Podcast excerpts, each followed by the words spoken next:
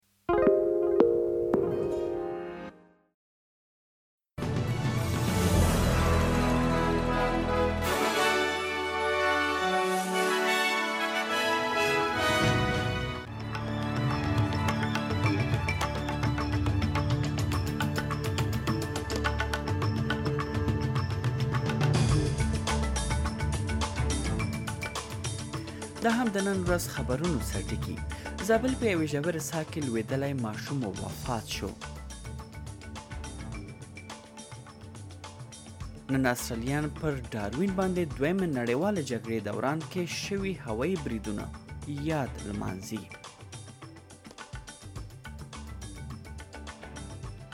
او په سپورت کې استرالیا پرون شپه له سریلانکا څخه د کرکټ یو ورځنۍ لوبه وګټله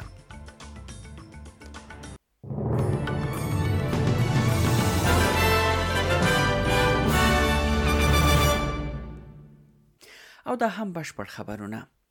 افغانستان کې د طالبانو حکومت چارواکو تایید کړه چې په زابل ولایت کې څلور ورځې مخکې د یو کلي ساته لوېدلي ماشوم حیدر ساه ورکړې. مرستندویان له پرله پسې هڅو وروسته وتوانېدل د جمعې ورځ پر ماسپښین حیدر ته ورسېږي. په زابل کې یو ځايي خبریال بي بي سي ته وویل، له ساه را ایستل کېدو پر مهال شپږ کلن حیدر ساه نه اخیستله.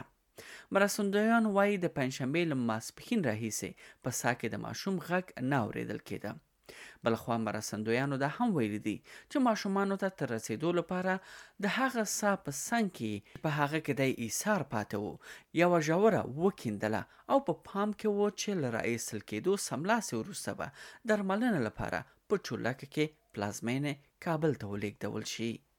بل خبر اوکراین څخه دی. اوکراین ختیځ کې امنیتي وضعیت ښه نه دی. بلخوا د یاد هېواد امنیت مشر خبرداری ورکوي چې کېدای شي روسیې له خوا جګړه پیل شي. د اوکراین امنیت مشر اولیکي وايي، د دوی پوځیانو پر وروستیو بریدونو او جګړو کې ښکېل نه ول او نه یې پکې لاس درلود. د کیف ښاروال د مونیخ امنیتي کنفرانس کې د کړکېچ د حل لپاره یې د لا نړیوال ملاتړ غوښتنه وکړه. داسې ښکاري چې مسکو هڅه کوي د روسیې د برید په اړه د لویدیځ اخطارونو سره مقابله وکړي او هڅه کوي چې اوکراین په جګړه کې د تیری کوونکي په توګه وښيي د کیف ښاروال ویتالی وایي دفاعي وسلو ته اړتیا ده او هر بریدګر به له عواقبو سره مخ شي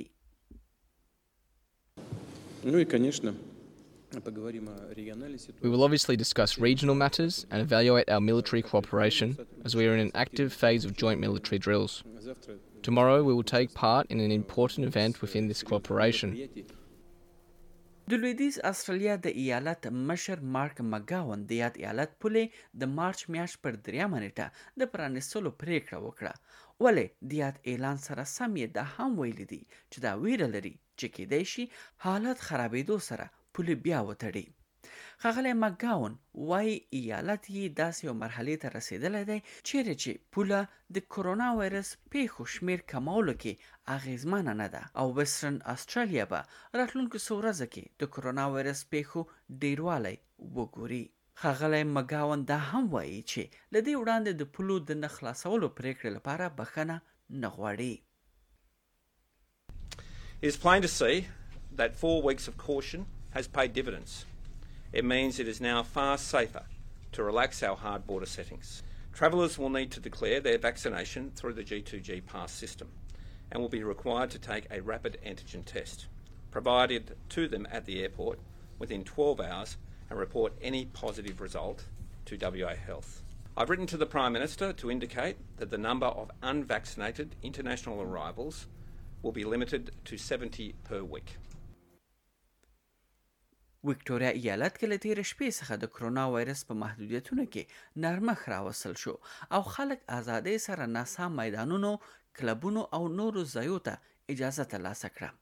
کاروبارونو لپاره په یو وخت کې د مشتریانو ټاکل شوی شمیر هم له منځه تللی دی معنا دا چې هر څومره مشتریان چې کاروبار وغواړي کولای شي په خپل ځای کې ولري بله پریکړه دا هم وشوه چې لدې وروسته به دکانونو او ښوونځیو کې خلک اړ نه دي چې د کیو آر چک وکړي بلخوا نیو ساوت ولز او کمبرا کې هم خلک ازادۍ سره نسا میدانو ته لاړل او ورته ازادي هغوی هم ترلاسه کړې ده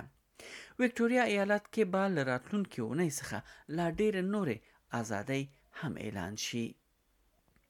اس بي اس نیوز داسې اسناد ترلاسه کړي دي چې د اعلاناتو ادارې د استرالیا حکومت سره د یو داسې فلم جوړولو هڅه کوي چې استرالیا کې غیر قانوني مهاجرت خطرونه وښيي او دا وښيي چې غیر قانوني راغلي کسان استرالیا کې نه میش کیږي. دا اداره د اومنیکوم ډلې پورې اړه لري او جایزې هم ګټلې دي او په 2018 کې د بخښنه نړیوال سازمان لپاره د مهاجرینو پر کمپاین هم کار کړی دی د 2019 راهیسې TBWA د حکومت سره د زیرو چانس کمپاین ویډیوګانې جوړولو برخه کې کار کړی دی معنا دا چې تر دې دمه کومې ویډیوګانې او فلمونه چې جوړ شوي دي هغه کې مهاجر هڅول کیږي تر څو غیر قانوني لارو څخه استرالیا ته رانشي او استرالیا کې د غوي میشدل ناممکن دي بلخوا د پاکستان پانتونونو کې پښتانه او بلوس محصلین د امنیتي کسانو لخوا زورول کیږي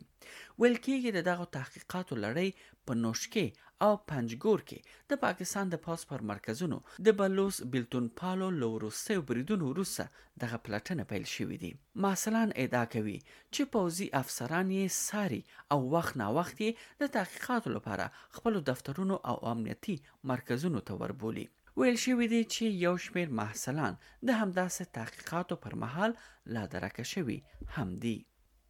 بل خبر له افغانستان څخه دی. سیمه ییزې سرچینې او ځینې عیني شاهدان د پنجشیر ولایت د درې ولسوالۍ پر ودانۍ د راکټي بریدونو خبر ورکوي او وایي چې تر هغه وروسته د طالبانو او د مقاومت جبهې د وسلوالو ترمنځ نښته هم شوې ده. یوې سیمه ییزې سرچینې چې نه یې غوښتل نوم یې واخیستل شي پرون امریکا غږ ته ویلي دي چې تېره شپه د یاده ولسوالۍ ودانۍ ته نږدې څو راکټونه لګېدلي دي.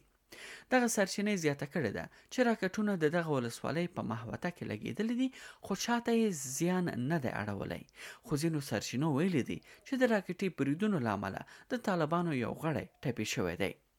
دوی همدارنګه ویلي دي، چې د دغه راکټي بریدونو له امله د طالبانو یو موټر هم په بشپړ توګه ویجاړ شوی دی. ویل کېږي چې تر یادو راکټي بریدونو او ډزو وروسته د مقاومت جبهې وسلوال بیرته له سیمې څخه وتلي دي د محمد زمان په نوم د یادې ولسوالۍ یو اوسیدونکي ویلي دي چې د دواړو لورو ترمنځ ډزو څو ساعته دوام درلود او تر دا مهاله د مرګ ژوبلې خبر نه دی ورکړ شوی په پنجشیر ولایت کې د طالبانو سیمه ییزو مسولینو دغه پیښه تایید کړې ده خو په اړه یې نور جزئیات نه دي ورکړي اسټرالیا نن پر ډاروین ښار باندې د بمبارۍ اتیاومه کلیزه لمانځي.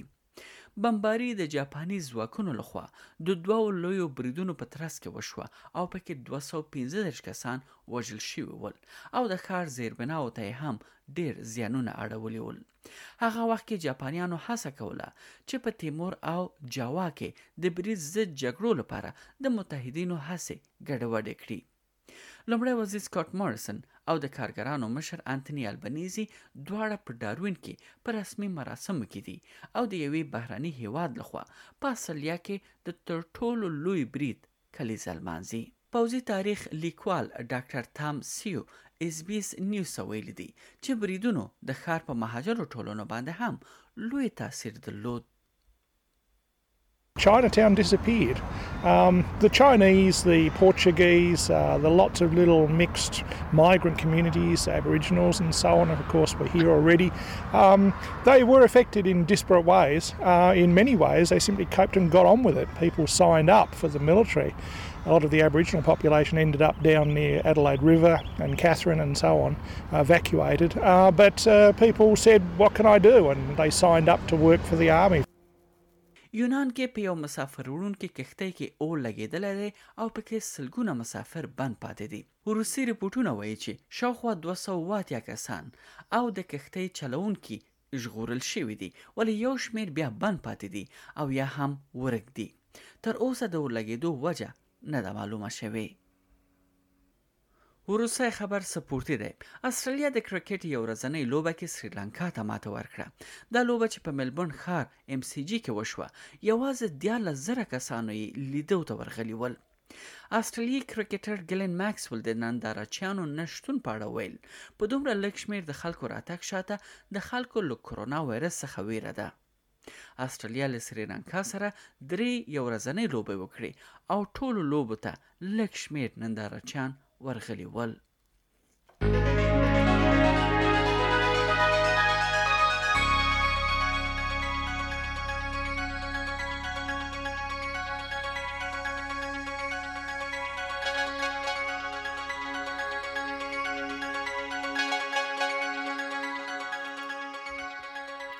د هم د اصلي ډالرو پر وړاندې د ځینو بهرنیو اسعارو بیې په نړیوالو مارکیټونو کې یو اصلي ډالر 0.1 امریکایي سنت ارزښت لري یو اصلي ډالر 0.3 پته یورو سنت یو اصلي ډالر شپږ شپېته افغاني روپی یو سل او پنځه ویشت اشاریه اته اتیا پاکستاني روپی درې پنځوس اشاریه شپېته هندۍ روپی او یو اصلي ډالر دوه اشاریه دریش پته اماراتي درهم او 0.250 انګلیسي پنسه ارزښت لري د هم د استرالیا د ځینو ښارونو نن لپاره د تودوخې تر ټولو لوړه درجه هغه هم د سانتیګریډ په کچه سیدنی کې هوا باراني ده شپږ ویشت درجې ملبن کې هوا لمریزه څلېرویشت په برزبن کې هوا باراني ده دېرش په پرت کې هوا لمریزه اووه دېرش په اډلېډ کې هوا لمریزه شپږ ویشت په هوبارډ کې هوا لمریزه پنځه ویشت په کمبیرا کې اسمان برګ دی پنځه ویشت او په اخر کې ډاروین هلته د باران او د طوفان اټکل دی او د تودوخې تر ټولو لوړه درجه درې دېرش سانتي ګرېډ اټکل شوې ده